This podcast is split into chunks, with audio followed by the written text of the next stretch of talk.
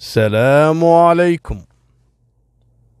اليوم بقول لكم قصة جريمة. حصلت في الكويت عام 98 99 يعني الحين صار لها أكثر من 22 سنة. القصص هذه اللي كانت في ذاك الوقت مستحيل الحين تلقى لها مصدر. ليش؟ قبل ما في إنترنت ما في مواقع إخبارية.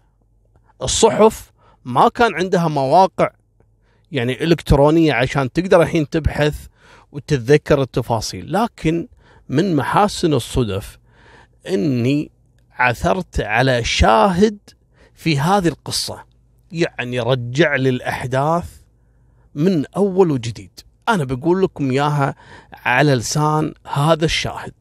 منو هالشاهد؟ الشاهد هذا كان أيامها عمره تقريب 17 سنة. القصة حصلت في منطقة في الكويت اسمها سلوى. وكانت في بنت عمرها تقريب ال 27 28 سنة مطلقة وعندها بنت. وعايشة في بيت شقة للإيجار. هذا الولد الشاهد كان ساكن الشقة اللي أسفل شقة البنت هذه اللي قصتنا اليوم عنها وراح نسميها مريم. المهم مريم هذه مطلقة وعايشة بروحها ما عندها إلا بنتها وخدامة ومريم جميلة فعلا جميلة. فيقول لي هذا الولد الشاهد في القصة. مريم ارتبطت بشخص ينقال له راضي. يعني دخل عليها من باب الزواج وكذا وصارت علاقة بين مريم وبين راضي. شاب كويتي وشكله مرتب ومن الكلام هذا. وين تداوم يا راضي؟ قال لها أنا ضابط في الشرطة. قالت له أوكي. المهم شوي شوي صارت علاقتهم بينهم بين بعض أقوى. لكن العلاقة شوي طولت. مريم كل ما تقول حق راضي ها متى تقدم لي؟ متى كذا؟ وانت رايح راد علي بشقتي وكذا وبنتي تسأل تقول لي منو هالرجال هذا؟ يعني ما أبي تجيب لي المشاكل. قال زين إن شاء الله خليني شوي قاعد أرتب أموري للحين كذا للحين كذا. قالت أوكي. الولد كان يخفي سر. ما يبي يقوله حق مريم لأن عارف إذا دارت مريم بالسر اللي كان يخفيه راضي ما راح توافق على علاقتها فيه وما توافق بالزواج. وفعلا هذا اللي حصل. يوم من الأيام راضي بعد ما صارت علاقته مع مريم يعني حيل قوية وخلاص يعني ما بقى إلا أنه يتقدم لها للزواج. قال لها يا مريم أنا بصارحك بشيء. وأرجو إن هذا ما يخرب علاقتي بيني وبينك وأنا أحبك وأموت فيك ومن الكلام هذا. قالت له شنو شنو فيه؟ قال لها أنا في شيء يعني مخبي عليك. قالت له شنو؟ قال لها أنا ماني كويتي. استغربت. قالت له شلون يعني ضابط يعني بالشرطة وشلون؟ شلون ما فهمت. كان يقول لا أنا من غير محددي الجنسية. اللي نسميهم إحنا هني في الكويت بدون في دول ثانية نسميهم آه، من غير معاملة. طبعا أنت ما تقدر تفرق بين الشخص البدون أو الكويتي في الكويت لأن هم فعلا آه، أجيال عايشة في الكويت يعني. منهم يستحق فعلا الحصول على الجنسية ومنهم لا ما يستحق. إحنا نكون منصفين. في منهم فعلا يستحق. لكن تعرفون الزين الشين عفوا عم على الزين. المهم إحنا ما ندخل في هالموضوع مريم يوم عرفت إن هذا بدون ما هو كويتي قالت له يعني أنت كل هالفترة كنت تضحك علي ولا شنو؟ قال لها أنا خفت أقول لك من الأول ترفضين وكذا قالت له عيال شنو انت شنو تشتغل؟ قال لها لا يبا أنا لا ضابط شرطة ولا شيء أصلا أنا ما عندي وظيفة. وأنا يعني والحب ما يفرق والجنسية ما لها علاقة في الحب وأنا قال لا أنا ما أقدر يعني أرتبط بشخص غير كويتي أو ما عنده وظيفة بالأحرى وعشان أأمن مستقبلي ومستقبل بنتي ومن هالكلام والله يخليك ودام في بدايتها كله كذب. خلاص خلنا نفترق واتركني بحال سبيلي الله يخليك. لا مستحيل ومن هالكلام. قام يطاردها الولد. كل يوم الثاني طاق عليها الباب.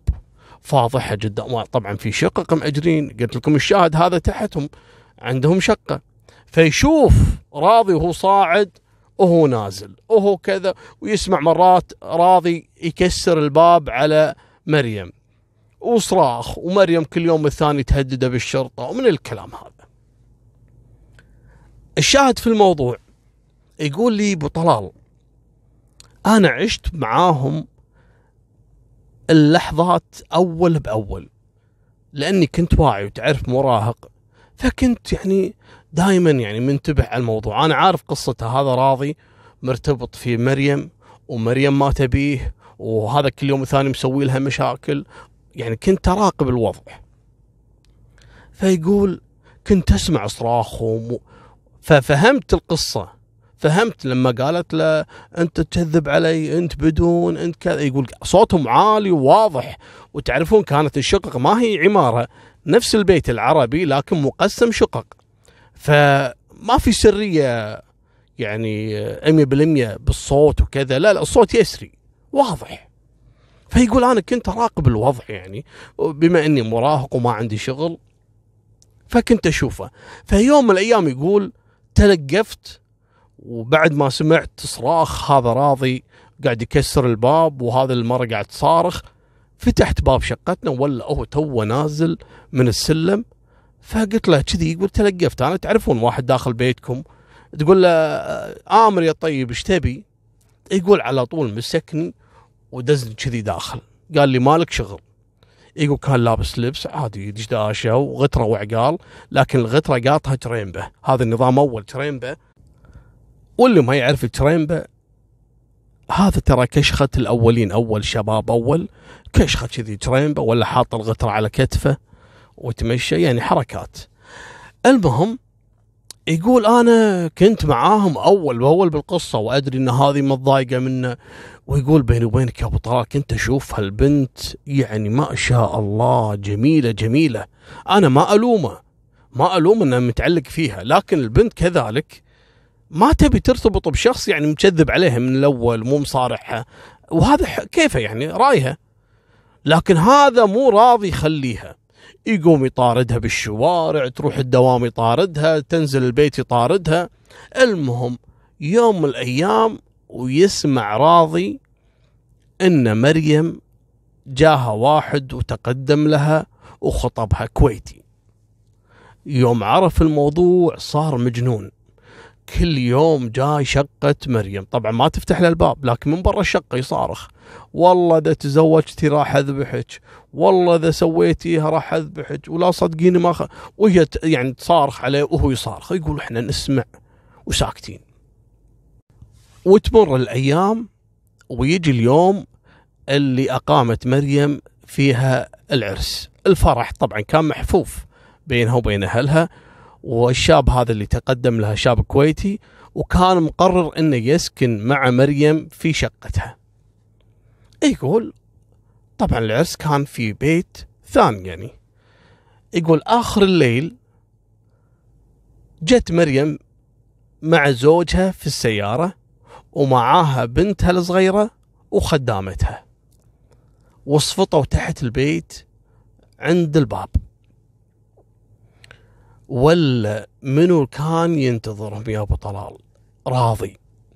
راضي. موقف السيارة بعيد وجاي مشي يتسحب لين دخل بين السيارات وقعد أكثر من ساعتين ثلاثة وهو ينتظر جية مريم مع زوجها. يقول لما صفطوا البنت توها جاية مستانسة في هذا الحين خلاص الرجال ما أخذها يعني بيروحون بيتهم المساكين. يقول ويطلع راضي يا أبو طلال معاه مسدس. طبعا مريم كانت قاعدة جنب السايق ويفتح عليها الباب ويسدد لها أكثر من طلقة في صدرها وبعدين ختمها في الطلقة الأخيرة في راسها. خدامتها نزلت تركض ومعاها بنتها الصغيرة. دخلوا البيت من الخوف من الرعب. زوجها سوى؟ يقول لي يا أبو طلال ترك السيارة وقام يركض بالشارع انحاش. ترك مريم في السيارة تواجه مصيرها مع راضي وراضي ما صدق على الله خلص عليها الطلقات وعلى طول بعد ما تأكد إنها ماتت ترك الموقع وقام يركض بالشارع تبين إن سيارته كان موقفها آخر الشارع. خذ سيارته وانحاش. يقول دقينا على الإسعاف وحضروا رجال الأمن. لكن الموقف اللي حصل يا أبو طلال بعد ما قتلها كان أكثر ألم وصعوبة. يقول أمها كانت تنتظرها في شقتها عشان تستقبل بنتها العروسة المسكينة. فيعني تستقبلهم بشقتهم وتمشي تخليهم. لما سمعت طلقات النار وصراخها المسكينة مريم تحت في الشارع نزلت الأم تركض يقول أنا كنت أشاهد الوضع بالكامل لأني من بين الناس اللي طلعنا وقفنا على السيارة بعد ما هرب راضي. يقول الأم تصرخ وتبكي وتلطم الوضع يحزن. أحضروا رجال الإسعاف. فيقول الأم كانت تترجى رجال الإسعاف تقول لهم الله يخليكم. شوفوها تأكدوا آه، عايشة ولا ماتت؟ الله يخليكم تأكدوا. فيقول الإسعاف المسعفين شو يسوون؟ كانوا متأكدين إنها ماتت أصلا لكن كانوا يبي يهدون أم البنت مريم فيقولوا لها لا يا عمة آه الحمد لله زينة زينة قاعدة تتنفس. الحين إن شاء الله بس يوصل رجال الأمن ونشيلها راح نسعفها لا تخافين وكذا.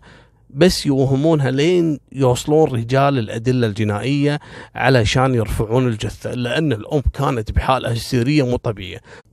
فعلا بعد ما وصلوا رجال الأمن والأدلة الجنائية رفعوا الجثة إلى الطب الشرعي وانهارت الأم وحضر أخو البنت مريم وقالوا له القصة وانهار مسكين في الش...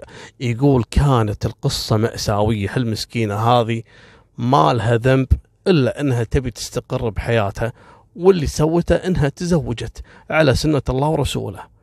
الحين تركت وراها هالبنت هذه اليتيمة بسبة هالخبل هذا راضي. يقول سجلوا قضية قتل. الحين يدورون عليه منو هذا راضي؟ ما كان في تليفون يتصل عليها يعني من موبايل ما كان عنده موبايل هو.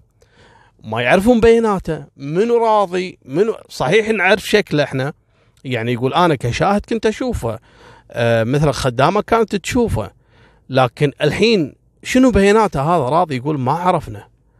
لكن يقول الغريب في الموضوع بعد ما بحثوا رجال الأمن في هوية راضي اكتشفوا أصلا إن مريم مسجلة ثلاث قضايا سابقا ضد راضي. منها قضية تهديد ومنها قضية تحرش ومنها قضية يعني اعتداء بالضرب واتلاف مركبة. أيام ما كان يطاردها لما قالت له خلاص خلينا نقطع العلاقة بينه. وهن يقدروا يحددون هويته ويعرفون وين ساكن وتم إلقاء القبض على راضي في منزلهم في منطقة صليبية. وحالوه للمحاكمة. طبعا اعترف بجميع التفاصيل وسلمهم كذلك المسدس اللي هو السلاح اللي استخدمه في الجريمة. راحت المحاكمة. في 2001 تم الحكم على راضي بالإعدام وأيدوه في الاستئناف وأيدوه كذلك في التمييز.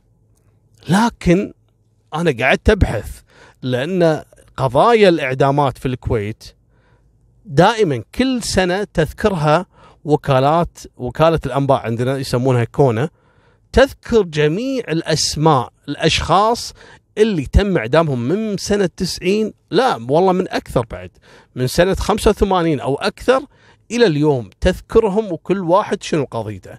الغريبة إني ما لقيت راضي من بينهم. قعدت أبحث وأسأل صار لي الحين يعني أكثر من أسبوع وأنا أبحث. راضي هذا الحكم عليه بالإعدام؟ هل تم تنفيذ حكم الإعدام عليه ولا لا؟ قالوا هذا الوحيد أعتقد ان ما تم تنفيذ حكم الإعدام كأنه ماخذ تنازل وتم تخفيف الحكم من إعدام إلى مؤبد موجود في السجن المركزي. هذا نهاية قصتنا وفمان الله مع السلامة.